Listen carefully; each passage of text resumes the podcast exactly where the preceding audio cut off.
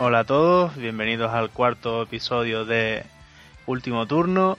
Y bueno, hoy volvemos a ser dos, Jaime, Jason Ryder y yo. Un saludo. Hola a todos. Y bueno, eh, vamos a empezar eh, resumiendo un poco de qué va a ir este número. Eh, básicamente se trata de hablar de una serie de eventos que van a que van a tener lugar dentro de poquito, en unos cuantos días. Y antes de que antes de que comiencen daremos un poco la información, ya que son por toda España, para que tengáis oportunidad de acudir, ¿no? Exactamente. Bueno, eh, son cinco eventos que pasaré a, a nombrar. Por ejemplo, tenemos el evento Jocoan en juego, que está, este evento es en Vizcaya. Luego tenemos el evento Ludo Laguna en Valladolid. Luego tenemos el evento Gesta, que si no me equivoco es en Valencia. Valencia. ¿sí? Valencia en Cuart de Poblet. Bien, luego tenemos el séptimo encuentro nacional de juegos de mesa en Granollers. Y por último, la segunda edición de la maratón benéfica de juegos de mesa. Que esta es Madrid. en Madrid, vale, perfecto. Bien, cuando hayamos dado la información sobre esto, pasaremos a hablar sobre eh, el juego Giants de Asmodee. Haremos una pequeña reseña para que un poco sepáis cómo, cómo se juega y daremos nuestra opinión, que yo lo he probado y creo que Jaime también, ¿verdad? Sí, yo también. Yo Bien. pude probarlo hace tiempo. En donde siempre vamos los juegos. Exactamente. Bueno, yo lo probé en casa de Sergio, no sé si tú lo probarías en la tienda. Yo lo probé en la tienda. Ah, vale, pues yo hice una partida en casa de Sergio y creo, no me acuerdo si llegamos a terminar porque teníamos que irnos, pero bueno, más o menos me hago una idea, ¿no? Yo sí que la terminé. Bien, y por último, eh, y como hicimos en el número anterior, vamos a añadir una una entrevista realizada por mi compañero Jaime a Harrit Solana, que es integrante de Asmodee. Sí, un miembro activo de Asmodee y que la verdad que lo pude conocer personalmente el fin de semana que estuve en Madrid por el motivo de los Age Days. Quedamos el viernes y donde en un café donde ellos suelen hacer las café tours en Madrid, pues allí quedamos y, y pudimos disfrutar de esta entrevista. Y bueno, luego una jornada no lúdica, pero pues, estuvimos hablando un montón de cosas, de cosillas y relacionadas con los juegos y tal, y la verdad que estuvo bastante interesante. ¿De qué, habla- de qué van a hablar si no, no? Exactamente. Bueno, pues vamos a empezar. Eh, vamos a empezar, como he dicho, a dar un poco de información. Voy a empezar con Jokoan en juego. Eh, a ver, ya he dicho que se celebra en Vizcaya, exactamente en el centro Celayeta, situado en la plaza con el mismo nombre, Celayeta, que está en el municipio de Amorebieta, en Vizcaya. Vale, Eh, va a ser exactamente los días 3 y 4 de diciembre. Este fin de semana no, el siguiente. Exacto, empezará... dime, Desde perdona. el puente, también antes del puente, hay que recordarlo. Sí. Que después, cuando viene el puente de, de la Constitución, si no me equivoco. Exacto. Y por lo que veo aquí va a ser desde las 11 de la mañana hasta las 9 de la noche. Ofrecen un montón de actividades, eh, con zona infantil incluida, pues está muy bien por si van parejas con niños o lo que sea. Y bueno, la verdad que promete, ¿no?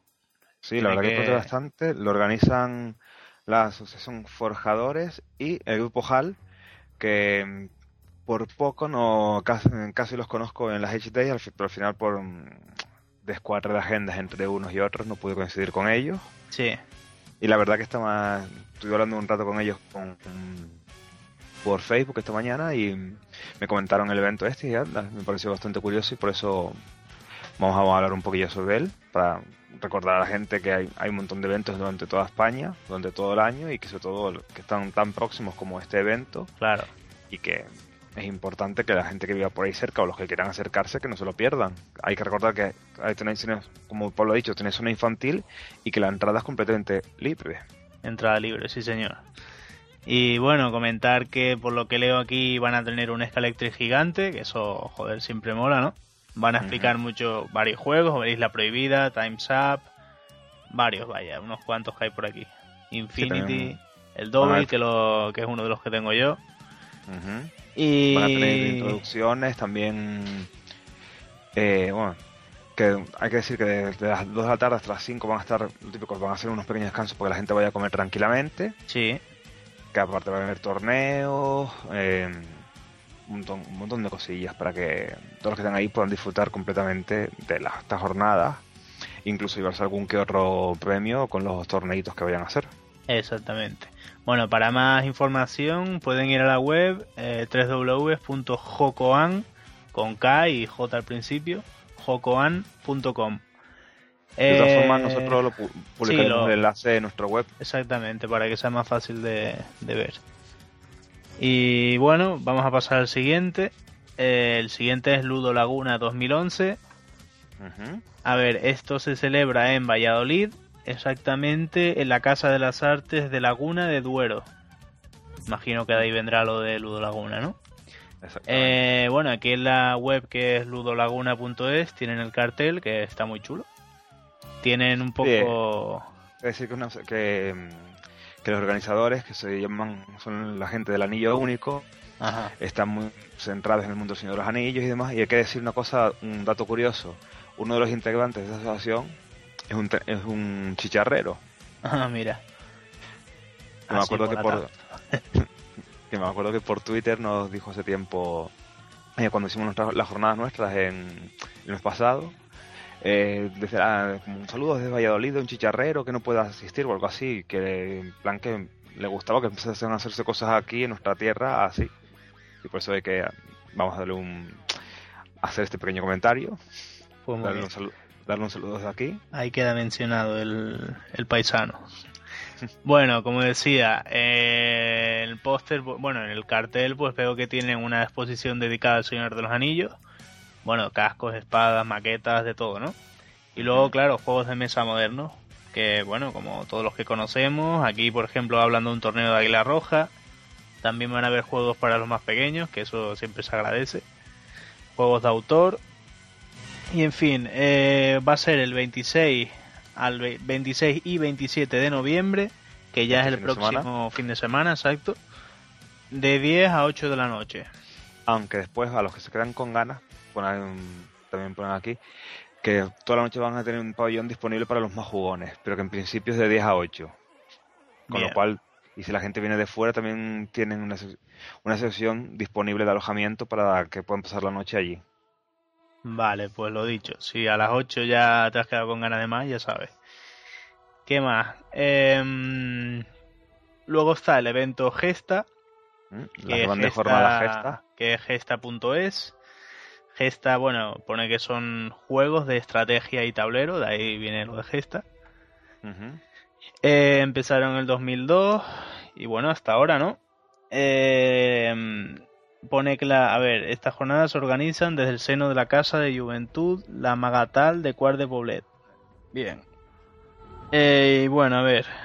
A los que no conozcan Valencia, Cuart de Poblet está al lado del pueblo de Manises, que es donde está el aeropuerto, Vale, yo, no la conozco, por ejemplo.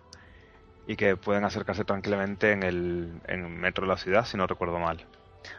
A ver, digo la dirección por si alguien, algún valenciano nos está escuchando y quiere asistir. Es calle La Torreta número 1 y nada, en Cuart de Poblet, como ya he dicho, en Valencia. Eh, y bueno, poco más. Tienen, a ver los días. Comienzan este fin de semana, este sábado y fin domingo. de semana, los mismos dos días que el Ludo Laguna, sí. Eh, desde las 10 de la mañana a las 4, ah, madre mía, a 4 de la madrugada y el domingo de 10 de la mañana a 5 y media de la tarde. Ujú. Y bueno, varios torneos, partidas de demostración de varios Bah, juegos. Y Bastantes torneos. Este tiene bastante buena pinta, pero estoy viendo que van a ser Sí, la verdad que se lo, se lo ocurran mucho. Desde que tienen torneos desde Dominion, Cronos de Catán, Juego de Tronos, el Living Card Game, Aventureros al Tren, el Águila Roja, el Set, el King of Tokyo. Van a hacer un torneo del Chivatos y Ladrones o Sneak and Snitches. Ah, qué chulo, ¿sabes? Y también tienen un torneo del, del Up edición 2011 Ajá. y del, Robo, y del Robo Rally Deathmatch. El Robo Rally es el que se compró Sergio hace poco, ¿verdad? Exactamente. Oh, ese está muy chulo, el de carrera. Bueno, pues no sé si mi compañero querrá añadir algo más de, de este evento.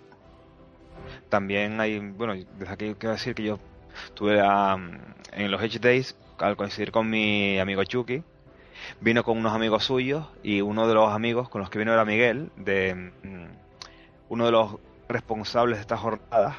Y la verdad que tengo que decir que mm, lo que me contó fue increíble. Que la verdad que son muy, muy, unas jornadas muy buenas, donde se consigue un montón de cosas. También van a, por ejemplo, van a contar con la demostración del juego 1000 de Firmino Martínez, el nuevo título de Homolúdicos, Ajá. entre otros. También tienen los pasaportes lúdicos, que son unas iniciativas donde toda la gente que vaya puede conseguir un pasaporte de una editorial, que puede ser la de Debir, el, de la Ge- el propio de la Gesta o incluso de Edge, donde tú vas y cada vez que eh, cuando juegues a uno de los juegos que están, por así decirlo, dentro del pasaporte, te los sellan. Y cuando tengas tres sellos, vas a conseguir 1500 gesetas. ¿Qué son las gesetas? Eso te iba a preguntar yo, que lo había escrito y no, no tengo idea de lo que es. Las gesetas son las monedas, por así decirlo, del festival, pero no es una moneda en sí, sino que sirven, eh, son un número de una rifa y los llaman gesetas, Ah, con lo cual son tres billetes, por ejemplo, 1500 gesetas son tres billetes, vale, con lo cual vale. tienes posibilidad de tres premios, pero sin embargo, si complementas los cinco juegos, te darán 2500 gesetas, o sea, cinco billetes. Y puedes conseguir gesetas tanto ganando torneos como haciendo, consiguiendo los pasaportes y las demás tipos de, actividad- de actividades que podrás disponer en, en esta jornada. Ajá. La verdad que son unas jornadas muy, muy curradas, muy, muy curradas y que, por ejemplo, la...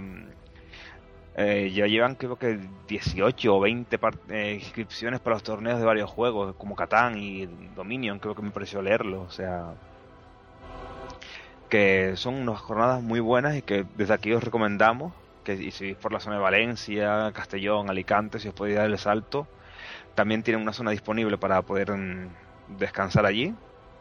La- personalmente me invitaron a ir, lo que pasa que Ya nos gustaría, por ¿no? motivos por motivos de sobre todo de perras para Sí. ir para desde Tenerife hasta allá no por reír pero la verdad que me he quedado con ganas porque tienen muy muy buena pinta y la verdad que mm, que la gente de ahí son de encanto tanto Miguel como Chucky como Juan de AMB son una pasada y que la verdad que mm, espero que les salga genial la jornada y que ya contarán, a ver si podemos contar con, con ellos para una pequeña entrevistilla cuando acaben la jornada y que nos cuente qué tal estuvieron. Pues muy bien. Eh, bueno, vamos a seguir. Eh, ahora dejaré Seguimos, por ejemplo, con la de Granollers, por ejemplo. vale, en Granollers este, este año se va a celebrar el séptimo encuentro nacional de juegos de mesa donde en este, esta ocasión lo organiza Molúdicos y también es este fin de semana, lo que pasa que es desde el viernes hasta el próximo domingo y tienen de todo, torneos, demostraciones de juegos, mm, básicamente de todo, como en las otras juegos, como en las otras jornadas y la verdad que tienen muy buena pinta y que toda la gente que me ha hablado de ellos me las ha recomendado porque son unas jornadas muy muy pensadas para jugar. Por ejemplo, hay otras jornadas que son más, son más pensadas lo típico para o demostraciones o un poco más eh, comerciales. Estas son jornadas para jugones para jugar. Y la verdad que me da que es otra pena. Lo que pasa que si pudiese ir, tendría que elegir también entre esta o la gesta. Ya, Con lo cual, difícil elección también, ¿eh? desde, desde aquí el próximo año propongo a los que organicen estas jornadas que las hagan en fechas separadas. A ver si podemos, en plan, nos cogemos una semana de vacaciones y vamos de una a la otra. sí, estaría bien, ¿eh? En plan, que organicen una la fin de semana anterior y otra la siguiente, así cogemos esa semana de vacaciones, pasamos por una y después seguimos a la otra. Sería la hostia. Sería la hostia, Pero- desde luego. Joder. Pero no, la verdad que otras jornadas recomendables, en este caso para los que se encuentren cerca de Granollers, por zona Barcelona, Tarragona, por allí, y que todos los que les gusten los juegos de mesa son fundamentales. Van a, si no recuerdo mal, también van a contar con la gente de Ayudar Jugando, y con los- que es una asociación que se encarga de recoger material y fondos para ayudar porque, a través de los juegos y que desde aquí pues eh, también les espero que salga todo bien y a ver si nos puede alguien que asista a la jornada nos puede contar qué tal estuvieron pero seguramente saldrán como en otros años y será una pasada Pues sí. y que, y que nos da una pena de no poder ir pero Bueno, ya trataremos de recopilar información sobre cómo han ido y ya hablaremos de ello en otros podcasts. Exactamente. Y bueno, nos falta una, ¿no? Que es la Sí. segunda Segundo maratón. Un segundo maratón benéfica de juegos de mesa, que a través de la- las asociaciones Terra, Igno- Terra Incógnita, y Oni de Huellas se encargan de organizar este evento para recaudar fondos para una asociación que protege a los animales. Eh, si no recuerdo mal, era la, la Asociación Protectora de Animales Galgo 112, que se encarga de eso, de, de cuidar y, y bueno, básicamente todo lo que tenga que ver con el con cuidar a estos animales. A ver, sí, ya estoy viendo aquí la web, galgo112.com. También. Mm. Sí, Exactamente. pues, parece como que recogen a los los recogen abandonados, imagino, y los curan, los operan y todo. Está bastante Sí, sobre, todo sobre todo los galgos, que suelen ser animales que se usan para la casa, que después muchas veces se quedan abandonados cuando a lo mejor se han vuelto un poco mayores o algo así. Sí, o se rompe La una pata, todo esto. Me parece Sí, estupendo sí, la, la maratón benéfica para esto. Que me gustan mucho los perros a mí. Mm. Y la verdad que eso, es una maratón que se van a intentar sacar fondos a partir del- de este día, únicamente va a ser este sábado, desde las 10 de la mañana hasta las 8, con un descanso para comer entre las 15 y las 17 horas. Y el lugar es en el Centro de Danza y Artes Escénicas Nieblas de Avalon, en la calle Fuente del Berro 29, en pleno centro de Madrid, al, enfrente del Palacio de los Deportes, en el metro Goya y O'Donnell. Muy bien. Si queréis, si queréis saber más información, en nuestra página tenemos los enlaces de las tres asociaciones que se encargan de organizarlo y del propio evento. Muy bien, muy bien. Desde aquí también les deseamos que consigan el máximo de fondos posibles para ayudar a esta asociación, que la verdad que se lo merece. Sí, señor. Bueno, eh, pues llega el momento de, de hacer la reseña. Eh, aquí sí te voy a dejar que lleves la voz cantante porque el Giants lo jugué hace ya, yo creo que meses incluso. Y más o menos, hombre, me lo he mirado un poco antes de empezar, pero, pero bueno, intentaremos, pues es que tiene bastantes cosas. Intentaremos ir recopilando así mientras hablamos y ya, y ya está. Puedo decir, bueno, puedo decir lo básico, eh, es de 3 a 5 jugadores. Sí, Eh, se puede jugar desde 10 años. Bueno, esto nada, esto suele No, durar eso una hora. El autor es Fabrice Besson, es de Asmodee. Y bueno, el, el ilustrador me dijiste que era, que no me acuerdo. Miguel Coimbra. Miguel Coimbra, sí, que, que no sabíamos si era el mismo que. Es el, es el mismo que el Seven Es Wonders. el mismo al final. Vale. Entonces, ahora, mismo te lo confirmo. Miguel Coimbra es el mismo que ha hecho las ilustraciones para Seven Wonders, para el, de, bueno, los aventureros de Edge, para Arcana, para el Battlelord, para el Ciudad de Ladrones. Bueno, Tiene un montón de trabajo. Ah, hablando de mm, del Seven Wonders, eh, hicimos la traducción de la maravilla Catán en nuestra web Ajá. y yo les mandé la, la- la traducción a repos y ellos muy amablemente me han mandado una camisa y la propia maravilla. la tengo aquí Guay. mismo. Guay, guay, guay. Otra maravilla para el juego. Exactamente. La, al final eso de al final eso de 7 se va a quedar un poco porque ya es la segunda que nos mandan, ¿no? Eh, sí, eh, pero la cosa es que únicamente pueden jugar 7 por las cartas, más que nada, no por otra cosa. Ya, ya, ya, claro, claro.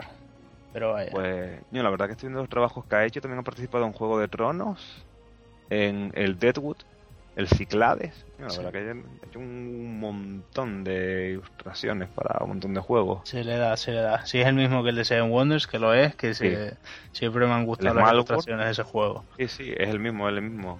Pues se le da yo- muy bien el colega. Te puedo decir que de fondo de escritorio todavía sigo teniendo el coloso de El Roda, coloso de rodas, ¿no? que se me parece la ilustración más impactante del, del juego de Seven Wonders. Pues bueno, quitando eso, volvamos al juego. A ver, eh, Ya, ya. Lo, lo- lo que más puedo hacer ahora es, si quieres te leo lo, lo que contiene el juego, lo que contiene la caja. Si te apetece. A ver, eh, son 50 mina- miniaturas de Moais y de tocados. Ujú. Son Muy 40 bien, muy bien, muy bien hechas. muy bien hechas, sí. aunque bueno. Hombre, las figuritas siempre pueden estar un poco mejor, No, los figuras están bastante bien. Lo pero para lo que es es- el juego yo creo que está, está guay. Los tocados lo único que tenían es que a veces no enganchaban del todo correctamente con las Sí, cabezas de los eso, eso, sí, eso sí me acuerdo yo. Que no, que no todos le, le valían a todos los Moai. Son, to- son como si fuesen sombreritos. Y habían algunos Mm. que por milímetros pues no le entraban bien a los Moai y tal, pero bueno. Eh, a ver, hay cinco dados especiales, dos losetas de cantera, un recipiente de peones para meter las figuritas, cinco Ujú. pantallas para tapar tus fichas, cinco estandartes, 30 mitades de tablas rongo. que- ah, ya me acuerdo que era. 27 troncos de madera, 7 losetas del bosque y nada, las instrucciones para el juego. Y bueno, ahora vamos a ver si nos acordamos de cómo se jugaba y te cedo la palabra a ti. Bueno, el juego se empezaba sacando, de- dependiendo del número de jugadores, eh, las figuras de los. Bueno, los. Los estos. los, Los los. Rapanui. Los Muay, Rapanui. que no me acordaba el nombre. Se sacaban y se colocaban en la zona de subasta. Ahí, entre todos, cogeremos y subastaremos los. Lo, tantos, si no recuerdo mal, eran. eh, ah, era aquello de ponerse en la mano izquierda el orden por qué querías pujar y en la mano derecha el que querías llevarte, algo así. Exactamente. Y la ya, fuerza y tal. Para, y de ahí, dependiendo que sea quien tenga la mayor apuesta, elegía qué, qué Muay se llevaba, si el, dependiendo de los que hubiese. También te podías llevar varios si habías apostado como varias veces, si, si no recuerdo mal. No, la si, te- que si con lo que tuvieras en la mano derecha te da para varios Moai, porque hay Mm. Moai de un, de uno, de dos y de tres. Y en la mano Sí. derecha te tenías que poner el valor de lo que tuvies- te, te, te pudieses llevar. Pero si por ejemplo tenías un valor de tres y puedes elegir primero, te puedes llevar uno de dos y uno de uno. O uno de tres, o tres de uno, lo que tú quieras. Mm. Pues tú cogías la apuesta entre eh, por lo que apostabas y te lo llevabas. Y después de ahí, te, empezando en el sitio central, ibas sacando y poniendo trabajadores tuyos para luego poder ir mover el Muay hasta uno de los mm, de los estandartes o mm, casos de vocabulario hoy Sí, bueno, Ahora- lo que había, lo que hay en el borde del juego, ¿no? a las estandartes, plataformas o altares Sí, eso tenía, tenía aquí un nombre, un nombre tal, pero no lo encuentro. Pero bueno, vale, sí que te entiendo. tenías que conseguir llegarlos hasta los altares y dejarlos ahí. Está claro, cuanto más cerca de los altares los dejabas, menos puntos te daban directos, pero los estar más lejos te multiplicaban mucho más. Sí. Sí, es verdad que contaba más si llevabas tu Moai al otro lado de la isla que si, se- que si lo llevabas al lado, claro. Cuanto más camino hicieras, más te valía el, el Moai. Con lo cual tú tenías que ir moviendo los, los Muay a través de tus trabajadores o de los propios trabajadores de los rivales, dándoles puntos de victoria a ellos. Con lo cual usar un trabajador de uno de tus rivales le da un punto de victoria a ellos, pero te sirve para después tú seguir el camino Claro. De tu, de tu Muay hasta donde tú quieras llevarlo. Sí, generalmente vale la pena Ahí es donde punto dan rival. Ahí es donde típicamente se dan los típicos trapiches de no, pon tu trabajador ahí, yo luego pongo esto aquí para que tú Sí. puedas llevar esto aquí y tal, y después ves que no pasa eso y cosillas así que las puñaladas son pueden ser muy traperas en ese juego. Pero la verdad que, me- que tiene bastante eh, es un muy buen juego.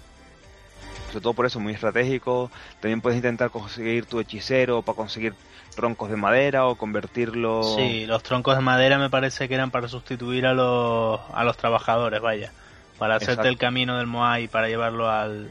Pero tienes que poner siempre troncos de madera donde ya tengas trabajadores tuyos, con lo cual te sirve para, en plan, Para sumar, poner un trabajador de nivel 1 y poner dos troncos de madera para tener como nivel 3 y llevar el, el Muay de nivel 3 más lejos. Sí, señor. Con lo cual, pero una vez, una vez usado, se perdían y si tú los pones, los podía usar cualquier persona. Lo que pasa que mm, el, por el uso de madera no te pagaban, en cambio por tus trabajadores sí. Sí, lo de la, y además la madera la perdía después Y la madera se turno, perdía. claro. pero la verdad que el juego estaba muy bien. También tenías que contener ciertos, mm, aparte de los tocados o los, o los muay, tenías que tener como los marcadores de tu color disponibles para poder ponerlos y si no te llegaban en un turno al, a donde, al altar que quieres, quieres llevarlo o al muay, para que luego no te los roben, porque si los dejas ahí sin marcar que es tuyo, Ah, te verdad. robar. Sí, me acuerdo que había una acción para reservarte un, como un... ¿Cómo se llama, tío? Que no, no me sale el nombre. Mira que me lo leí antes, que venía el nombre... el nombre... Pero vaya, para el, el, altar donde vas a colocar tu Moai, pues puedes reservártelo para que nadie te lo ponga ahí. O incluso puedes reservarte el propio Moai, porque alguien podría... Si tú estás yendo con tu Moai hacia un sitio y de repente me toca a mí, yo puedo libremente coger tu Moai, llevármelo por mi lado y como lo consigue poner en mi altar antes que tú es mío. Mm para evitar ese le puedes poner el, lo que estabas diciendo tú, que es como un gorrito. Lo que eso es en, recambio de turnos. Cuando ha pasado el turno 1 y si no has conseguido llegar eh, a tu altar, es cuando tienes que marcarlo. Si no te quedan para marcarlo, es cuando realmente te los pueden chulear en el siguiente turno. Exactamente. Y la verdad que es cuando ahí también se pueden producir varios choques. Ahí, ahí, ahí está lo guapo del juego, vaya. Pues si no, claro, cada uno se lleva su Moai para su lado, cada uno hace sus puntos y ya está. Pero vaya, ahí lo guapo es aprovecharte de los caminos de los demás, intentar ver cuando Moai se ha quedado sin dueño. De los trabajadores. Calla, que cara, que haya un poco de caña ahí, pues sí, es mucho más divertido así. La verdad que a mí me pareció un juego bastante entretenido, bastante estratégico, pero a la vez bastante, por así decirlo, no sencillo, sino que no, no, no, no, es para nada sencillo, ¿eh? O sea, lo parece, pero si quieres ganar tienes que estar muy atento a todo. ¿Mm? Eso sí. la verdad que muy curioso, me pareció bastante, bastante curioso. Porque claro, tenías que podías intentar conseguir cada turno más trabajadores, también podías conseguir las tablas aquellas que eran las tablillas aquellas para juntarlas, ¿no? Que podías, creo que podía, bueno, podías hacer varias cosas valían también como puntos final de partida y aparte valía para hacer para transformar creo que a tu hechicero en jefe de la tribu o tu jefe de la tribu en hechicero, cosas así. Sí, señor. Y la verdad que un juego bastante bueno, que la verdad que por diversos motivos como se podrá escuchar en, próximamente en la entrevista, eh, no llegó a cuajar del todo y no ha tenido las ventas esperadas que podría tener este gran juego porque la verdad que tiene muy muy buena pinta y que realmente es, es un buen juego que ojalá la gente lo pusiese a descubrir y, ver, y que viese que realmente sí, lo, sí, generalmente, no sé, yo las críticas que he oído así de primera mano siempre ha gustado y a mí me parece muy divertido también. Lo pasamos, sobre todo el rollo este de joder a los compañeros, que eso, yo que sé, quieras que no, es lo que le da vida a un juego muchas veces, pues está muy bien. Aparte, también tiene varias estrategias para ganar, puedes sí conseguir en plan llegar a tus altares y cerrarlos antes de que otros. Ah, una cosa que tenía curiosa, que no hemos dicho, es que cuando llegas al altar, aunque tú lo hayas reservado, luego coges y le das la vuelta y no ves de quién es el de quién es ese altar hasta el final de la partida. Con lo cual, si luego te equivocas y llevas tú sin querer un tocado a un Muay que no es el tuyo. Ah, eso es verdad, me acuerdo de eso. puntos al otro. Que tenías que estar súper atento y acordarte de lo que habías hecho tú y los que no. Eso está muy bien también. Porque aparte hay un montón de, de posibles altares y una vez que llegan ahí, se le da, se pone el color de tu altar, se le das la vuelta y ya no se ve hasta final de la partida. Con lo cual, como no estés atento y no recuerdas cuáles son los tuyos, la puedes pringar bastante y ponerle un, tocado a alguien que no es el tuyo y darle a lo mejor la victoria por ese error. Sí, regalarle los puntos que te, que te, han, que te han costado conseguir. Yo es que me, suena que me suena que nos pasó a nosotros la partida anterior, porque era como que había uno que estaba como sonriendo mucho, no me acuerdo por qué, porque estaba viendo que alguien lo estaba llevando hacia su tocado. Y el cabrón no decía nada. Y cuando ya por fin lo puso ahí, ya las risas y no sé qué de haberse equivocado, de que ganó, eh, me parece que fue Diana la que ganó, la novia de Sergio.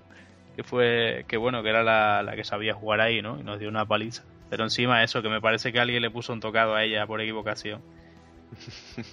Pero vaya que sí, muy muy divertido, lo recomiendo. Y, bueno, sí, yo tampoco me explico que no haya tenido tanta que no haya tenido tanta popularidad como se merece. Mm.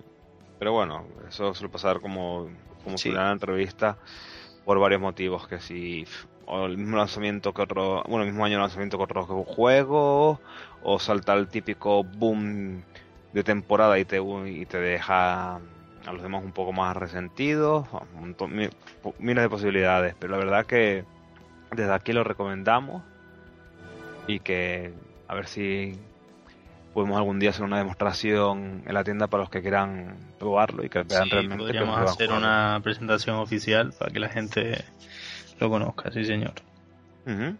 Y bueno, pasando a esto, pues vamos a hablar de la idea que se me había ocurrido y después pasamos con la entrevista. Muy bien.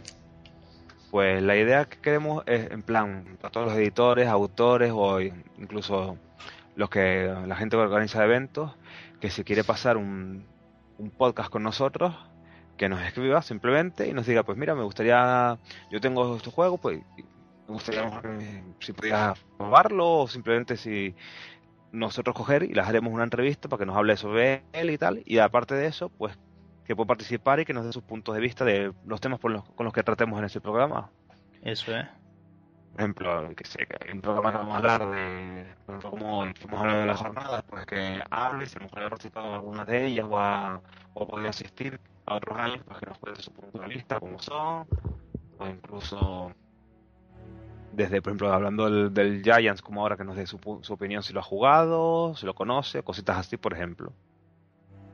Y aparte de eso, si por ejemplo es un autor de un juego, pues le haremos una entrevista sobre su, su producto. Si es un em, si es un editor, pues hablaremos sobre su compañía. Y si es un uno que se encarga de hacer unas jornadas como cualquiera de las que hemos nombrado antes, pues le preguntaremos sobre ellas para que le den un poquito más de promoción al tema. Pues sí, aquí en nuestro blog es bienvenido todo el que quiera todo el que quiera participar y bueno, lo que ha dicho él, que no se pongan en contacto con nosotros y que no y estaremos encantados de recibirles aquí. Exacto. Y una vez dicho esto, pues os vamos a dejar con la entrevista que hice eh, hace dos semanas, el pasado viernes 11, con Harry Solano donde vamos a hablar bastante de, su compañía, de cómo surgió, de novedades, un poquito de todo. Pues sí. Para que la gente pueda ver las típicas novedades que van a salir y cualquier cosilla sobre esta gran compañía. Pues aquí nos dejamos con ellos y después nos despedimos hasta el próximo programa.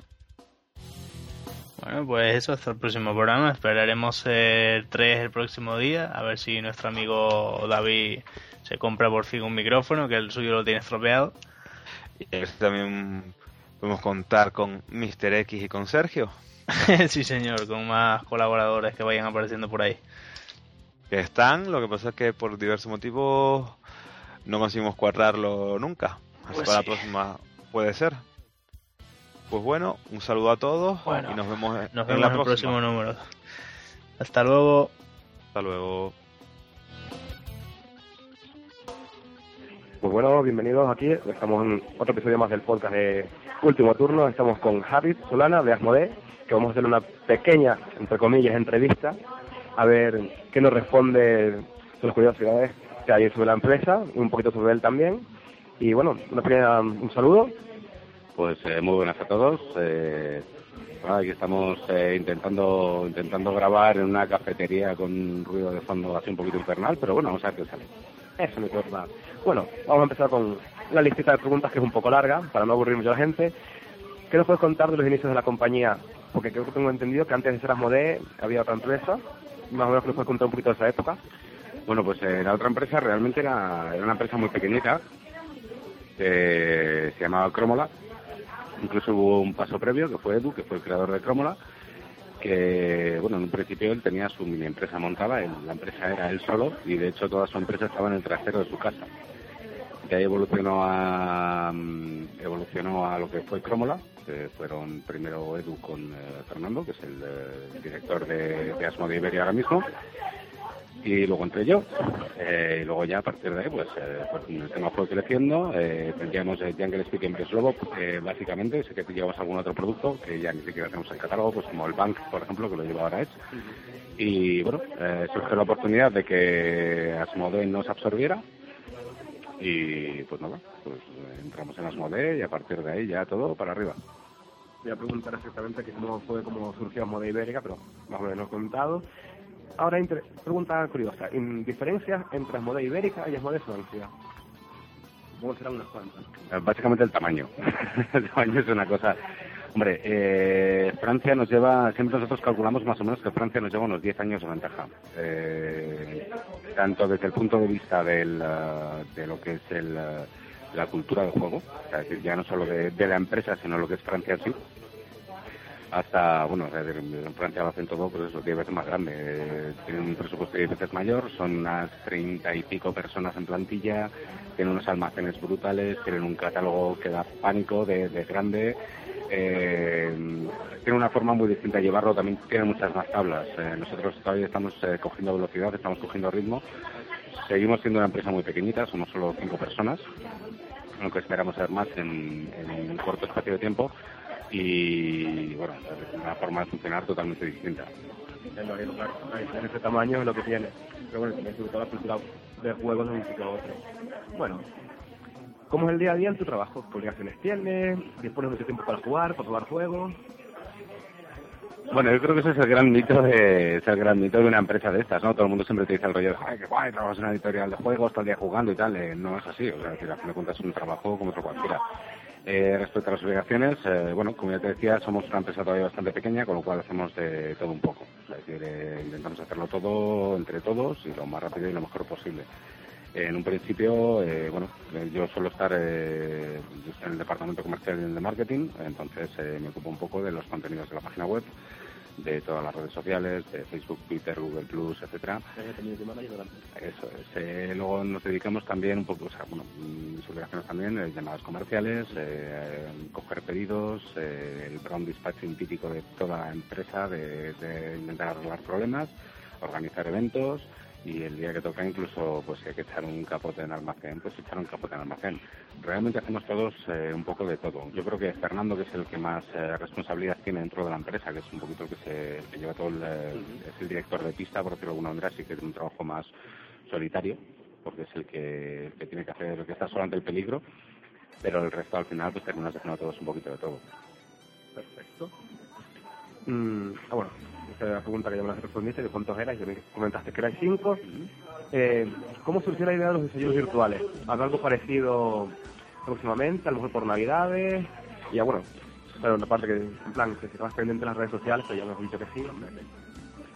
Pues realmente los desayunos virtuales eh, fue una tontería enorme que yo pensaba que ni siquiera, o sea, no le di importancia alguna, de hecho, o sea, fue, fue una, fue una sorpresa, la verdad. Eh, pues empecé en verano, en verano que siempre están las cosas mucho más tranquilas. Eh, pues bueno, recogiendo un poco las ideas de, de la gente de, los desayunos de empresa, ¿no? Claro, nosotros somos muy somos muy poquitos, entonces eh, muchas veces eh, estás a mil cosas.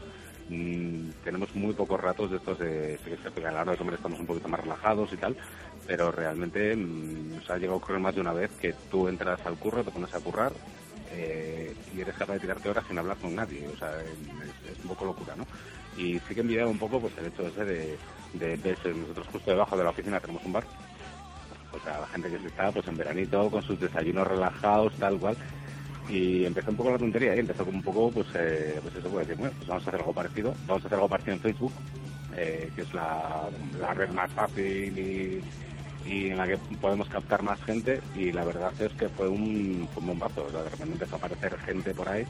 Sí que es cierto, en, en otros sitios he echado la culpa sobre todo a Estefan Citadino, porque era siempre el que ponía la, la pregunta polémica y desataba, desataba auténtica, vamos, de hecho él me ha mandado mails como diciendo, oye tío, mañana no participo, lo siento, la que te lía en la red, pero bueno, para nosotros era también una especie de experimento y el intentar dar una aplicación práctica también a la red y el, el enfocar un poquito el hecho de que, de que todo lo que hacemos en la red lo hacemos no solo como medio de comunicación, no solo para expresar nosotros cosas, sino para que también nos lleguen cosas, ¿no? Eh, no es solo anunciar novedades y poco más. Y básicamente fue eso. Y, bueno, pues eh, después del éxito que tuvo, imagino que repetiremos o ya se nos ocurrirá alguna tontería similar. Y la verdad que las redes sociales es una buena plataforma para dar a conocer y sobre todo para mantener la comunidad dentro de cada activa y que quieras que no, se hable o no se hable, bueno, se hable bien o se hable mal de una empresa, es publicidad, se habla, es, es lo que realmente que importa. Mm, hablando de tecnología, ¿pensáis sacar alguna versión digital de alguno de vuestros juegos? Pues eh, realmente alguna aplicación sí que ha salido. Han salido aplicaciones en Francia sobre todo, pero también es cierto que no es un terreno, no es nuestro terreno, no es nuestro terreno natural, entonces pues tampoco, es decir, por ahora tenemos un montón de cosas que hacer antes que eso, ¿no? De que sí que ha salido alguna demo de Avalon, por ejemplo, en la que puedes jugar una mini partida contra el ordenador, ha salido alguna aplicación para, creo que son para iPhone, eh, ha habido alguna app por ahí de, de doble, por ejemplo, pero básicamente es eso, es decir, no es nuestro terreno natural. Cuando tengamos tiempo para dedicarnos ahí en profundidad ya lo haremos, pero vamos, nos queda todavía nos queda un rato largo. Queda rato, de acuerdo. Mm, ¿Intentaréis traer todo el catálogo de las Francia a nuestro país? Bueno, dentro de eso es posible, porque ya sé que hay algunos que tienen otros derechos de otras empresas, pero más o menos lo que estáis intentando hacer. Pues hombre, si pudiéramos traer todo el catálogo sería estupendo, pues eso significa que la cosa funciona y funciona muy bien, ¿no? Eh, es un poco locura eh, realmente el intentar traer todo el catálogo porque, bueno, como tú dices, hay muchos juegos de Asmodee pues, que lo llevan otras empresas, como puede ser Edge, como puede ser Devir, como puede ser como Ludicus, es decir, eh, en Francia todavía son mucho más eh, potentes en ese aspecto, ¿no? Eh, sí que poco a poco vamos a intentar eh, ir añadiendo cada vez más juegos, incluso los juegos que no salen rentables y por hoy, pues como comentábamos antes antes de la entrevista, que había por alguna pregunta maliciosa de Roberto. Hola Roberto. Eh, pues temas como por ejemplo claustrofobia, ¿no? Eh, hoy por hoy hay juegos que son muy complicados de sacar, sobre todo con la crisis y todo el tema, pues estar sacando juegos de 50, 60 euros en las cantidades que te piden para hacerlos en castellano es muy complicado. Es yo creo por eso funciona tanto el juego multilingüe. Alguna, hacemos una tirada de 10.000, 15.000 para tres países y se acabó. Pero claro, claustrofobia, por ejemplo, el caso de claustrofobia, eh, teníamos que sacar unas 5.000 unidades en castellano. Claro, en muchos casos los que dices, es complicado. Eh, nos gustaría poder sacarlos, obviamente. Sí que es cierto que estamos trabajando para intentar, eh, por lo menos, traer esos juegos a las tiendas que los soliciten en, otros idiomas, principalmente en inglés. E intentaremos pues darle, pues colgar traducciones de las reglas en inglés o ayudas de juego, etcétera, etcétera. Pero vamos, en un principio la idea sí es tener cada vez más catálogo. Mm, a ver, si un juego que sabes que triunfa en otro país, por ejemplo Francia o cualquier cosa, eh, y vosotros no tenéis, estáis seguros, seguros de que funcionará en España, ¿os arriesgaríais? ¿Nos arriesgaríais? También como, como la decisión de por qué traer un juego, decisión personal, sugerencias de otros países, Hombre, hay de todo un poco. Eh, por un lado sí que es cierto que muchas veces eh, tienes que hacer apuestas. Lo normal suele ser, claro, cuando en un principio estás, eh, ves esto desde fuera, tú eres capaz de decir, bueno, lo traigo, este juego en castellano sería la bomba, tal, ¿no? Sí que es cierto que cuando, cuando tienes que presentar números, tienes que, arriesgar, eres mucho más conservador. Yo al principio yo mm, puede que fuera que más me flipaba en, todos estos temas cuando hablaba con Fernando, decía, tío, Fernando, tenemos que traer este juego, este juego tiene que funcionar, este juego, tío, este juego lo sacamos seguro. Claro, Fernando me miraba y me decía, vale, eh, tú eres capaz de vender 3.000, si eres capaz de vender 3.000 lo sacamos. Entonces, claro, ya te empieza a entrar un poco el canguele, ¿no? Y dices, joder, 3.000, pues, pero igual esos son muchos, a ver cuántos amigos tengo. Y decía, no, no, no sale a cuenta. Entonces, eh, sí que es cierto que muchas veces tiendes a ser muy conservador es cierto también que muchas veces que muchos juegos que fuera de España triunfan y en España cero. O sea, y habrá casos contrarios, seguramente. Habrá juegos que en España arrasen y, fuera no, ¿no? O sea, de muchas veces ahí se suele ver en, los juegos del año, etcétera, de diferentes países, que muchas veces no se coincide, ¿no? Por ejemplo, este año eh, todo el mundo nos estaba felicitando de antemano por el ser en Windows y finalmente se lo llevó Isla Prohibida, que es un digno merecedor del juego, pero que de cierta manera sí que representa que, bueno, que, que para gusto los colores. Y pregunta sobre el juego del año, lo tenemos abajo, pero ya que la has nombrado, es que ¿estás de acuerdo con el veredicto? bueno, lo que la gente no sabe es que yo tengo una lista aquí como de unas 40 preguntas, entonces intentamos hacerlas de dos en dos para, para no hacer un podcast de tres horas. Si estoy de acuerdo con el juego del año, pues hombre, Creo que está de acuerdo, o sea, decir, a fin de cuentas es el... Eh, no tengo nada que decir al respecto, eh, creo que es la prohibida, es un juego tan digno como otro cualquiera, tan merecedor del juego del año como otro cualquiera. Lo que no estoy es contento en cierta manera porque es la prohibida no es mío, pero bueno, es decir, sí, y desde aquí pues eh, felicito a Xavi Garriga y a todo el equipo de Vir, que en su momento no pude hacerlo. Eh, pues por, eh, por llevarse el juego del año. Pero en un principio, bueno, pues un premio como cualquiera, hay veces que se gana, a veces que se pierde. ¿Y para ti cuál sería el juego del año? ¿De los dos? No, de todo el catálogo del año, De este año. Que no estuviese nominado. Pues, eh, uf, es que no lo sé. O sea, que sí que es cierto que este año ha habido muchos juegos eh, que no he probado. Sí que es cierto que yo también soy eh, horrible para las fechas, entonces muchas veces mezclo juegos que no deberían estar ahí o tal. Sí que creo que ha habido años que el tema ha sido más más injusto, porque de alguna manera sí que es cierto que ha habido años que ha habido juegos eh, para el JDA que es que era muy complicado elegir. eh, pues, eh, Uno de los que no me llamó demasiado fue el año que fue el Puerto Rico. O sea, que estaba el Puerto Rico como, como finalista del juego del año. Y yo personalmente es un juego que odio, y cualquiera que me conozca lo sabrá, es un juego que no me gusta nada, pero bueno, por experiencias propias. Y ese año yo era jurado del JDA, porque todavía no estaba trabajando en Asmodee, y sin embargo lo voté como JDA. Dije, bueno, o sea, una cosa es que a mí me guste, otra cosa es que el juego sea bueno, el juego, es muy bueno. Y ese año, si no me equivoco, lo ganó pues eh, Los Pilares de la Tierra o alguno similar. Eso fue el 2007. Y, y dije, ¿por qué? ¿Sabes? Es decir, no, Los Pilares de la Tierra tampoco ha sido un juego tan destacable, ¿no? Pero vamos, que yo sí que es cierto que tampoco le doy mucha importancia al tema de los premios, ni digo, este juego debería haber sido el JDA, tal, porque bueno, pero para gusto los colores, yo conozco que tengo unos gustos muy raros para juegos, entonces pues, pues realmente esa sí que me la salto tranquilamente, bueno, ahora nos quedan 36, que nos la- podemos tirar para adelante. Digamos, eh, estamos por, con la, la lista es larguita. Ah, ¿por qué no hay más Café Tours? ¿Va a haber alguno en Canarias? todo el mundo corriendo para casa. Eh, eh, bueno, Café Tour eh, en un principio fue un experimento que nos vino desde Francia, que está funcionando bien. En un principio tampoco lo lanzamos a destajo, eh, básicamente por no, por no saturar. Primero queríamos hacer una prueba, a ver de cómo funcionaba. Eh, hay que hacer pequeños ajustes porque obviamente hemos copiado el modelo francés al 100% y hay cosas que no funcionan. Sí que es cierto que estamos pensando en, en hacerlo un poco más móvil. Es decir, ir saltando de cafete- por distintas cafeterías, ir saltando por distintas ciudades, ir picando por todas partes a ver, a ver cómo reacciona el público. Respecto a Canarias, pues eh, no lo sé, no lo sé. Canarias, Canarias es un mercado muy complicado visto desde el punto de vista de empresas. Sí que es cierto que con Canarias me lleva unas sorpresas muy grandes, porque eh, claro, lo que nosotros conocemos de la realidad de, lo que hay en, en Canarias es muy poco, es más lo que sabemos alrededor de, sobre todo a través de las tiendas. Pero sí te encuentras con que las tiendas hacen pedidos muy grandes, las tiendas organizan muchas cosas, eh, te encuentras eventos como el Tenerife Land Party, por ejemplo, ¿no? que, es un, que es un evento descomunal y, y tú no sabías que existía, ¿no? Y de repente te empiezan a mandar fotos y hay gente jugando a de todo, tal. 25.000 personas. Eso es, o sea, que son eventos es una locura, ¿no? Y aquí se da mucho bombo a eventos que tienen una, una afluencia menor. Y además lo que comentábamos un poco antes, ¿no? Eh, lo más probable es que el Tenerife Land Party hubiera un 5% o menos de gente eh, que no fuera canaria. El- Bastante raro que no sea Canarias. entonces, eh, sí que es un mercado muy grande, pero claro, es un mercado muy complicado. Es muy caro mandar juegos.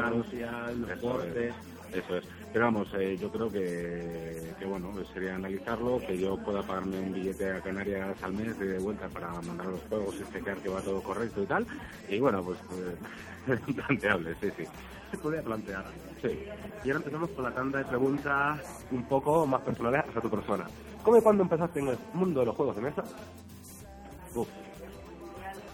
Pues realmente, no sé, o sea, no sé, sí que hubo algún momento en el que lo dejé un poquito de lado, pero yo creo que ha sido una cosa bastante continua. Yo de, mm, de pequeño, de muy canijo, eh, me juntaba con mi primo mayor, hola Rigo, por si acaso me estás oyendo, eh, y jugábamos pues a los juegos míticos de aquella época, ¿no? El Imperio Cobra, eh, el Alerta Roja, mm, diseñábamos nuestros propios, sí que es cierto que diseñábamos como pequeños chorrijuegos que íbamos dirigidos a, a lo que eran juegos de ordenador y tal, pero, pero vamos, o sea, es decir, de pequeño he jugado, luego llega la típica del pavo en la que las hormonas te, te un poco y tal, sí que es cierto que retomé, en esa época eh, fui menos jugón de juego de mesa y sí que jugaba bastante más a rol. De rol pasé a los Wargames, bueno, Wargames la verdad, les toqué un poco de refiloncillo, terminé en el Blood Bowl, hemos roto algo dentro del bar, no sabemos qué es. Eh, y nada, luego del Blood Bowl, pues eh, sí que cierto como un gran boom, que fue cuando llegué a Madrid, que descubrí el laberinto, gracias a un foro del Blood Bowl, y ya fue el acabose. El laberinto era, pues, bueno, pues la- el, el paraíso para, para cualquier persona que quisiera meterse en el mundillo de los juegos. Y encima tuvimos la suerte que mi primo venía de Estados Unidos, estaba trabajando allí. eh, yo estaba recién llegado a Madrid, eh, nos juntamos dos, tres personas en oficio y beneficio y para qué quieres más. Realmente yo creo que a la semana de, empezar a ir al laberinto, Manel ya nos saludaba con su cariñosa frase de qué pasa que vosotros no tenéis casa. Entonces estamos todo el día metidos ahí, jugamos a todo y, bueno, pues ahí empezó ya y, y para arriba. De ahí para adelante. Eh, ¿Cuál fue el primer juego que compraste? El primer juego, pues si te digo la verdad no tengo ni idea. el primer juego. Pues eh, seguramente fueron Ciudadelas. Así de los... refiriéndonos a, todo lo que es eh, moderno, eh, probablemente fueron Ciudadelas, eh, algunos de estilos. No fueron Ciudadelas, pudo ser pues un... Pues a lo mejor un Carcasón, Carcasón Ciudadelas. Andaría por uno de los seguro. De acuerdo. Eh, comentaste antes que habías diseñado de pequeño algún juego.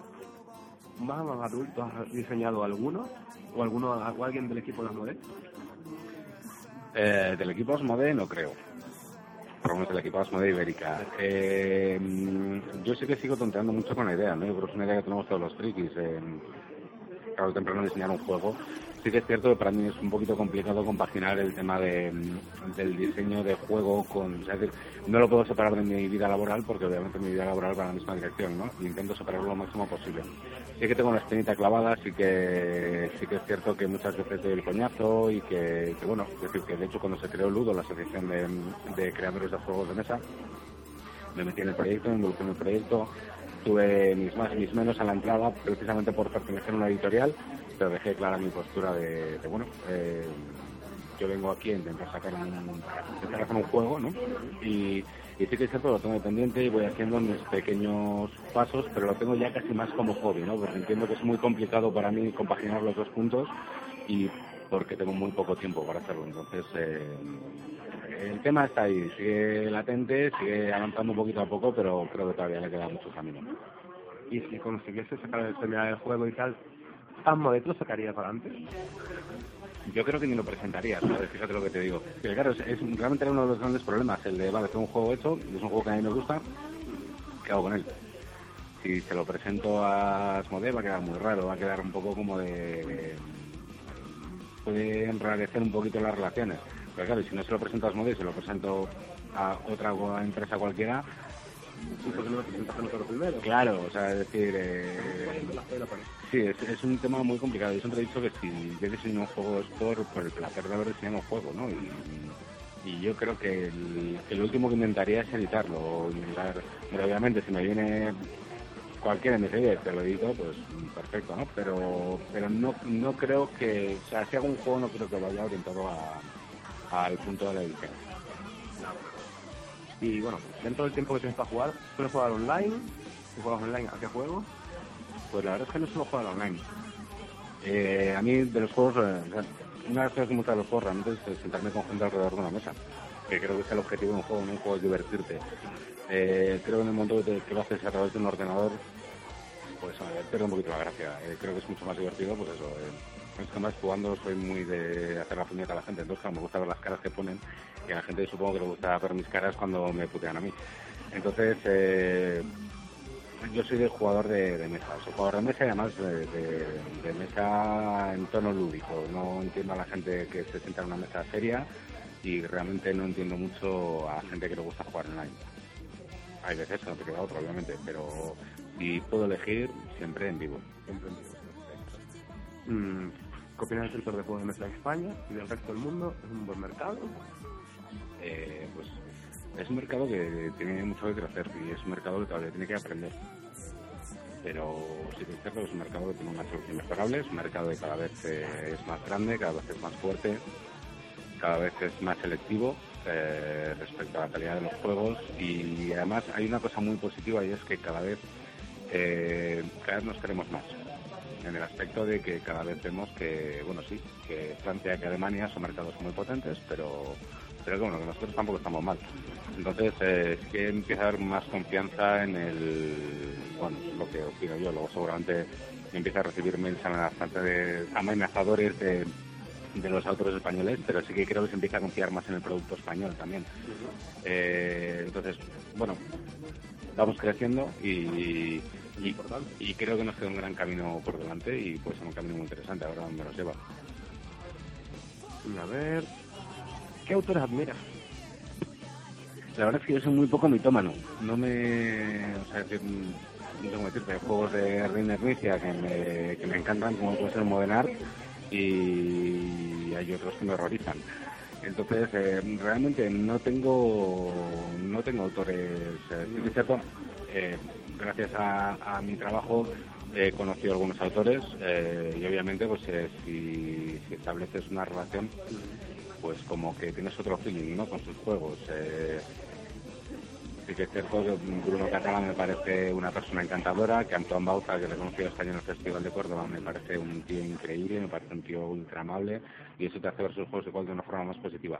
Pero la verdad es que nunca he sido muy mitómano, es como, bueno, o sea, un juego puede ser bueno o no bueno, pero mm, realmente creo que crear expectativas en un juego solo porque es de tal autor o cual autor es, puede ser muy peligroso. Lógicamente te puede llevar unos fiascos muy gordos, más la vida además. Mm, ¿Qué juego te, dirías que sería un, clásico para ti? Un clásico para mí. Uf. Eh... Pues no sabría decirte. Sí que es cierto, hombre, eh, dentro de mi grupo de amigos ha habido juegos que sí que han sido sí que han sido clásicos como ha sido el Ciudadelas, como ha podido ser el Bang. Eh, hay juegos que son la cosa más ya dentro de lo que podríamos hablar de juegos clásicos, clásicos, clásicos, como podría ser pues eh, el Avalon me parece que es un juego que más tirando clásico dentro de los juegos modernos. Eh, el Backgammon a mí es un juego que se ve muy poquito, hay mucha gente lo ve, se ve en muchos sitios como, como parte de la decoración de una casa, pero me parece un juego magnífico.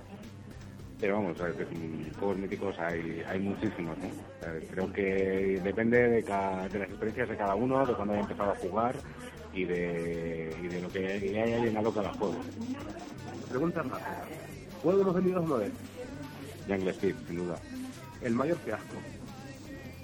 No creo que haya habido grandes fiascos. eh, puede que uno de los juegos que, que más eh, maltratado haya sido por el público puede ser algún estilo Giants, pero porque han salido desgraciadamente en años en los que han salido juegos con mucho hype o juegos muy potentes que los han relegado a un, a un segundo lugar, pero no creo en líneas generales que haya juegos malos. Eh, hay una frase de mi primo que le pesa siempre, pero la escribiremos en su lápida, y es que todo juego tiene su público. Entonces, eh, bajo, bajo ese prisma no es juego malo. Voy a preguntar, una pregunta que hacer más adelante, sobre el Giant, en plan, un juego tan bueno como Giant, yo lo he podido jugar, y me parece espectacular. ¿Por qué no tiene tanta repercusión? Que preguntar si un poco a mejor falta de promoción, o a lo mejor, yo lo que acaba de decir. Sí que es cierto que te- fue uno de los primeros juegos grandes que llevamos en las 9 y yo creo que todavía no sabemos manejar demasiado bien la situación, nos controlamos más el mercado del party game o la gente nos asociaba más al party game, ¿no? Y yo creo que siempre esta manera puede influir negativamente en el juego. Pero sí que es cierto que, bueno, fue un juego, es un juego caro, por decirlo de alguna manera, o sea, no es un juego de 20, 30 euros, sí que es cierto que que para mí es un juego que, que vale cada euro que tiene. Tiene una mecánica muy buena, el juego visualmente es precioso, eh, pero también tuvo la mala suerte pues de, salir el mismo año de pues eso, Puerto Ricos Dominions eh, números 1, 2 y 3 de la BGG y eso normalmente hace que pues eso, que la opción de compra de un jugador que solo tiene 50 euros o que solo tiene 100 euros de, gasto en juegos eh, vayan a esos números. No vayan a otros juegos de los que no se conoce tanto, pero son buenos juegos. Yo cuando jugué el Giant me pareció espectacular. Y el diseño es, pero... Fallaron, fallaron un poquito con el tema de los gorros, porque hay algunos gorros que no encajan, Eso es verdad. pero sí que es cierto, es un juego espectacular. Además es un juego que, que realmente lo, no es, un, es un juego un poco raro, porque es un juego cooperativo, pero no. Y Es un juego de muchas puñaladas también. Sí, sí, sí, o sea, es un juego totalmente rastrero, pero es eso, todo al principio lo ves como cooperativo, pero no, es un juego sencillo, porque realmente es una mecánica muy sencilla, pero es tan abierto que muchas veces dices, pero yo ahora qué hago? Pues claro, tengo una tabla que me sirve para esto o me sirve para lo otro, entonces, ¿dónde, ¿qué hago con el brujo? Usted señor porque está aquí en medio, es, es- es tan abierto en ese aspecto que es un juego muy sencillo, pero muy complicado a la vez. Sí que es cierto que yo lo he jugado con gente que son jugones, gente que es y sus primeras partidas eran de tres horas y, les, les chorreaba el cerebro por las orejas. Bueno, mm, la primera partida siempre te deja muy frío porque te acabas de enterar de qué va el juego en el último turno. Entonces, eh, Claro, o sea, es un juego de segunda partida, obviamente, eh, pero a mí personalmente me parece un juego Fíjate que yo no soy muy amante del juego duro, yo soy más amante de, de juegos más light, más estilo party games, más estilo Eurogames, y es un juego que a mí me gustó mucho, pero creo que ha sido justamente tratado por el público. La verdad que es una pena, debería dar más a conocer porque es un codazo. Sigamos con preguntas rapiditas. ¿Mayor sorpresa que habéis tenido en la modelo? De juegos así en plan de que pensabas, bueno, tal, y al final... Para mí el perudo. Yo pensaba que el perudo nunca iba a triunfar en... El... Realmente es que en España eh, hay determinados juegos que es eh, muy complicado enfocarlos. Y el perudo fue uno de ellos porque en cierta manera sí que sí que se vamos a ver esto es como intentar vender un juego que está un poco basado en un cinquillo o similar no o sea el perudo es un juego tradicional que está basado en tres dados. Entonces decía pues es que esto no lo veo. Y sí que este juego funciona muy bien y yo me tuve que comer mis palabras. Y ahora Fer muchas veces cuando yo le planteo dudas acerca de un juego siempre me dice lo mismo es que no tengo ni puñetera idea. Y sí que este con el periodo aprendía que es eh, aquí es cierto de que los, los eh, la gente que nos gusta los juegos los frikis por llamarnos de alguna manera eh, Mm, sobrevaloramos mucho nuestra opinión, ¿sabes? Y nuestra opinión es como, no, no, esto no puede triunfar. Y muchas veces estos juegos tienen un poco humildad de decir, vale, no tengo ni idea de qué es lo que funciona en el mercado, ¿no? Muchas veces que hay juegos que son una auténtica patata y, funcionan y, no me preguntes cuáles son los juegos patata, porque no te lo pienso decir. Eh, y veces que hay juegos que son muy buenos que luego mm, por A o por B no funcionan, ¿no? Entonces los patatas no los vas a contestar. um, ¿Qué juego desearías tener en el catálogo de Asmodee? Muchos, muchos, muchos, muchísimos. Eh, no lo sé, sí que es cierto que, que yo soy de, los, de la gente que trabajamos en Asmodee Ibérica, yo soy igual más eh, pero juego un poquito más duro, pese a que me encantan los party games. Pero si por mí fuera, si esto fuera como la gente cree que es una empresa de juegos, eh, bueno, saquearía la mitad del catálogo de Edge, la mitad del catálogo de Beer, la mitad del de Homoludicus, de Mercurio, de Hansing Gluck y de, bueno, de la mitad de las editoriales de Europa. Sí que es cierto me gustaría mucho tener muchos juegos, pero por lo que, por cómo es el juego en sí, no por las ventas que te pueda dar el juego juegos que visualmente puedan ser tan magníficos como un Marrakech, por ejemplo. Pero vamos, serían, sería una lista muy larga. De acuerdo. Eh, ¿Algún juego que te gustaría que se volviese a reeditar? Muchos, también, muchos. Eh, sí, creo que hay juegos, eh, bueno, hay algunos que sí que es cierto que hay proyectos por ahí mm, pendientes. Eh, uno de los que igual más eh, me gustaría que se, que se volviera a sacar sería el, el Betrayal, Betrayal de House Hill, pero la versión original. O sea, la, no la, se una reedición en la que se han mezclado con historias nuevas y tal. Me gustaría que sacara la, primera edición del juego. Eh, para mí sería uno de esos juegos que sería magnífico volver a tener en las estanterías eh, también el Molo Horror, y acerca de esto no puedo decir mucho más, eh, porque sé que hubo un proyecto, una intentora de Asmodee hace un par de años, de hecho lo publicaron en, en Jugamos Todos, en una entrevista, de sacar el Molo Horror, y bueno, el proyecto al final se complicó por temas de derechos de copyright y tal cual, y se apartó un poco. Yo creo que esos dos juegos para mí serían eh, dos pequeños juegos a los que yo les tengo mi penita personal de decir, eh, qué pena. Está bien, a ver, ahora me apunta así, facilita. Tu juego favorito y tu top 5. Sí, facilísima. Yo creo que no. Vuelvo a, vuelvo a agarrarme un poco a lo que decía mi primo, ¿no? De todo juego tiene su público. No creo en un juego favorito. Hay juegos que son para cada momento. Hay gente con la que te puedes reír muchísimo jugando en Jungle Speed. Eh, hay gente que te va a tirar a la cabeza un Jungle Speed eh, o, o, mirarlo por el contrario, un Puerto Rico, un Twilight Struggle. Eh, yo creo que no son, no es hablar de un juego favorito, sino que es hablar de... Eso es, momentos, grupos, incluso apetencias en los momentos. Ya ha habido veces que, ha habido un juego con, gente al bote salvavidas, al lifeboat, y me lo he pasado como un enano y con otros grupos con los que no ha funcionado tanto. Entonces, eh, ¿juegos favoritos? No te podría decir realmente ninguno si me tuviera que quedar con alguno así por cariño, me quedaría con el Ciudadelas, probablemente. hablando del Jungle, ¿no habéis pensado vender Jungle con unos protectores de uñas para esos grupos de que, que arrastran y rompen manos. Te voy a decir que con el Jungle hemos hecho de todo. O sea, sé que en Francia hay una, una versión más más market que el uh, es de goma, es como de plástico blandito. Hemos medido uñas en torneos de Jungle y que estas uñas son antirreglamentarias. Eh, sí, algo De hecho, ha habido reglas que han cambiado dentro del Jungle, de las primeras ediciones, eh, a las de ahora, por ejemplo, la regla de que el, el tótem hay que cogerlo, hay que cogerlo, se arregla de cambiarla porque realmente hemos conocido casos de bastante de gente que se pone tan nerviosa que realmente por coger un tótem te es capaz de morderte. Entonces, mordiscos, patadas, mesas rotas. Tuvimos un caso muy particular en el que un tótem se le disparaba y había una chica que estaba viendo la partida, era la novia de alguno de los, de los jugadores. Con tan mala suerte que el tótem le cayó encima y la chica con otro reflejo lo, lo cogió con las piernas. Entonces, claro, la chica de repente se encontraba 17 borregos encima suyo que iban al destajo, la chica tiró el tótem, se cae, casi se cae de la silla, bueno, entonces sí que hubo que cambiar reglas. También es cierto que es bonito el, el, ver a la gente, a la gente muy pro y a la gente que sabe jugar tal, entrar a coger un tótem con miedo, con lo cual tiene ese componente también, ¿no? De, de masoquismo extraño el Jungle. La verdad que es un buen juego y digamos que normalmente más piden oye, el juego de todo tengo tal. Sí, sí. Y la gente se mete una...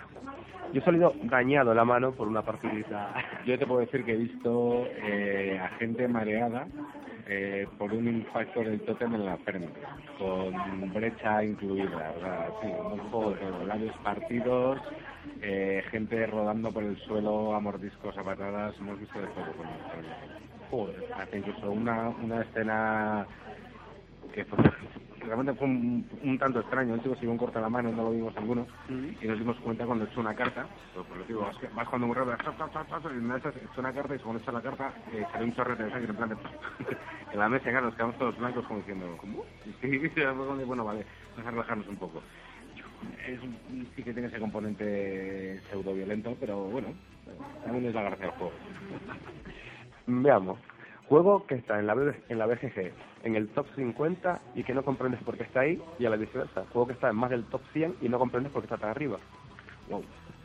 Yo la verdad es que no hago mucho caso a la BGG porque, mm, como ya te decía, tampoco soy demasiado jugón. Eh, hay juegos en la BGG que están muy arriba que realmente, bueno, ¿sabes? yo que sé, qué pereza el juego, ¿no? No entiendo, por ejemplo, que haya habido momentos en los que expansiones de juegos hayan estado tan parejas a juegos básicos o incluso por encima. Pues, bueno, no sé si el domingo. El está por encima del domingo. Eh, lo que pasa es que creo que se puede jugar como juego independiente, pero bueno, sí que es cierto que es una cosa que no entiendo. Que, a fin de cuentas, normalmente pues, una expansión es una expansión, ¿no? Una expansión eh, muchas veces se puede entender como un parte del juego, como una... Eh, puede que sean los casos que menos que menos entiendo juegos que no estén dentro de, del top 100, pues hombre, es que le vamos a dar vueltas a lo de siempre para gusto los colores. Hay muchísimos juegos que yo creo que se merecerían el, sus cinco minutos de fama, ¿no? El pasar un poquito por, por el top 100 de la BGC para que de repente toda esa gente que sí que es muy adicta a la BGC sepa que esos juegos existen, ¿no? O sea, que, que más, hay vida más allá del top 100. Y eso es verdad, porque yo conozco mucha gente que se basa en el top 100 y dice, bueno, el top 50 y ya está. Y de ahí no lo saca. Y del top 50 además se comprarán solo el top 10. Entonces, eh, bueno, sí que es cierto que este año comprarán un poquito más, porque bueno, hay determinados juegos, el Puerto Rico, el Tyrant Skagen, etcétera, que el Power Grid, que llevan eh, mucho tiempo ahí, anclados, y oye, tienen unos merecedores. Pero sí que es cierto que creo que la BGG debería incluir un puntito del juego de la semana, el, eso, el rescatar joyas del barro. ¿no? Pero sería una cosa interesante se podría proponer lo del todo el juego de la semana, sería interesante. Mm, a ver, juego de tu catálogo, Dasmode, que no te gusta. Que no me gusta. Mójate. Pues yo es que soy muy facilón, tampoco te creas que muchos, ¿eh? ¿eh? Juego de mi catálogo que no me guste. Pues es que realmente no sabría decirte así uno a ciencia cierta decir... Eh, es que no, no, no, no puedo decir que haya ninguno de decir, mira, no me lo pongas ni delante. Sí que que creo que hay juegos que, que salieron en una fase un poquito prematura. Eh, pero no sé, yo es que soy muy tonto para los juegos, entonces me, me puedo divertir con cualquier cosa. Eh, veces que he jugado con gente, pues yo que un Jamaica, por ejemplo, que lo ven como una como una oca, porque realmente es una oca. Pero bueno, tampoco está mal para ser todavía siempre les ha colado tanto a los juegos. Eh, haciendo, yo creo que es, saben cómo enfoques el juego. Uno de los ejemplos más claros ha sido, por ejemplo, en el, la Feria de Granollers, estuvimos haciendo, estuvimos probando los juegos de, de Perapau, eh,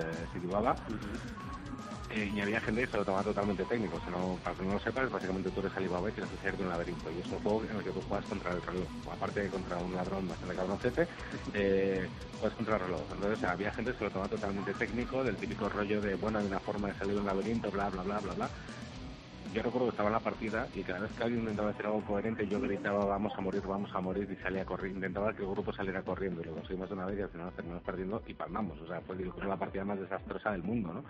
Eh, creo que son siempre formas de enfocar un juego y eh, muchas veces eh, sí que es cierto que un juego nos decepciona por depositar muchas expectativas sobre él, pero no diría que muy pocas veces hablo de juegos malos. Puedo hablar de un juego que me gusta más o me gusta menos. Sí que es cierto que los juegos de Asmodee puede haber juegos que me aburran un poquito más o que no sean tanto de mi estilo, pero en líneas generales no, no he encontrado juegos que, que me erroricen. Y además, por mi trabajo espero que no ocurra, porque luego yo soy el que tiene que demostrar esos juegos, con lo cual es complicado. Sí, porque no te gusta un juego que tienes que mostrar malo.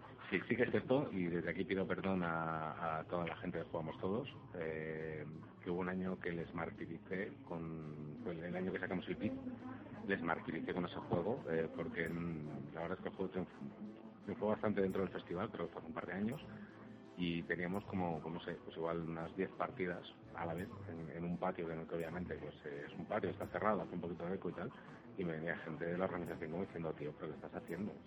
y no te puedes imaginar la, la que liamos, claro, fueron cuatro días, ocho horas al día mostrando ese juego.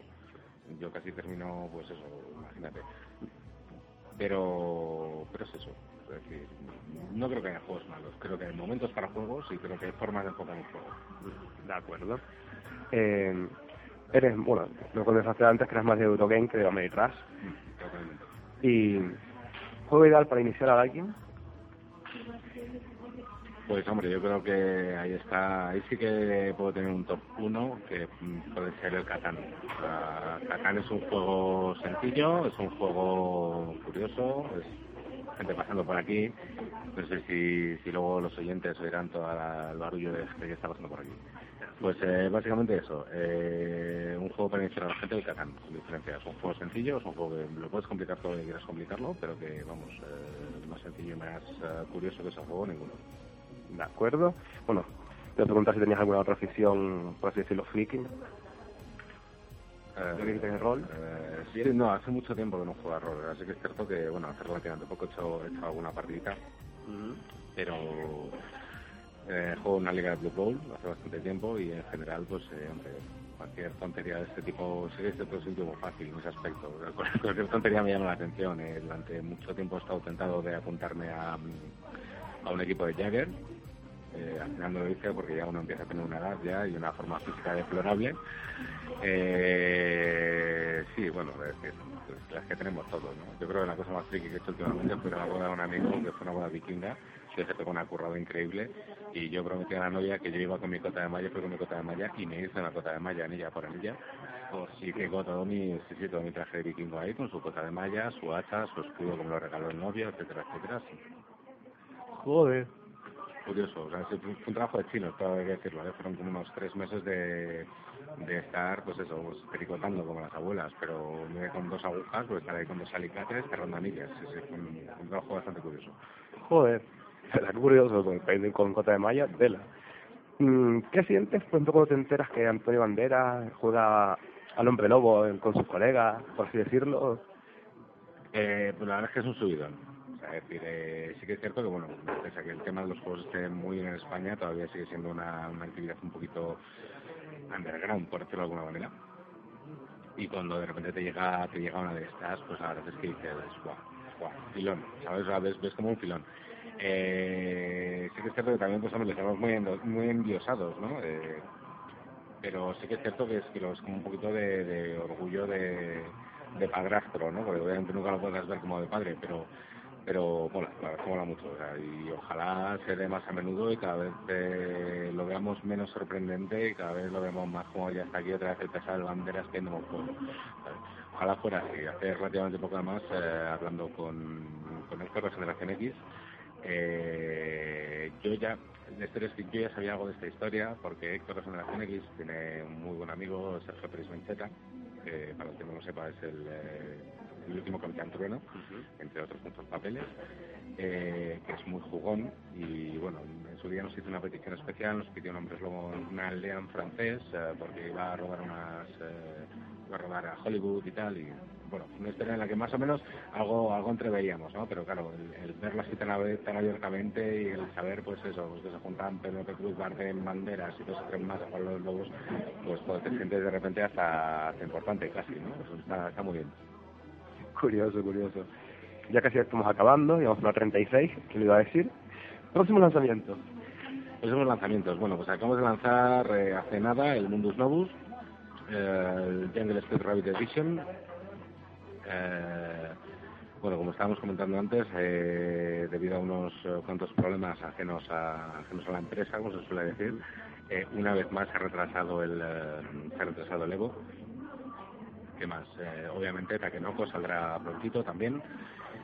Y, y más, más, más sorpresas. A ver, yo creo que sí que va a haber alguna sorpresita más por ahí. ¿Alguna exclusiva? Uf, imposibles. Pues nunca damos. Es, es curioso, somos muy. Sí que somos muy caquetas. Con eso ya hemos checado alguna vez. Eh, porque algunas sí que sí que nos hemos pegado alguna cagada de que el resto de Europa se ha enterado de que Asmodee iba a editar un juego porque a nosotros se nos ha escapado. Entonces, claro, luego nos ha con de Francia y nos ha pegado el tren de orejas. Entonces, eh, sí que es cierto además que, mm, que creo que somos un poquito gafas respecto a eso, ¿no? Las pocas exclusivas que hemos dado de decir, vamos a sacar este juego, eh, como fue en su día el Moloforro, luego hay problemas de copyright, de no sé qué, de tal, luego es un proyecto que se estanca, o pues eso, pues cosas como el Evo, que de repente te dicen, oye, no, que es que no van a llegar los Evos porque en la fábrica ha habido un problema que no sé qué y tal.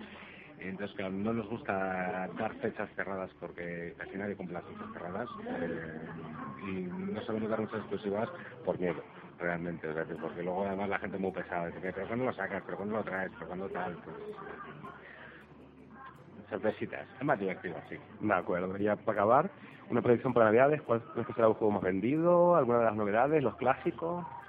Pero a mí la verdad es que me da un poquito de miedo, porque para Navidades puede ser, pues, el año pasado fue el Password, este año puede ser, pues, el juego de Justin Bieber, vete a saber.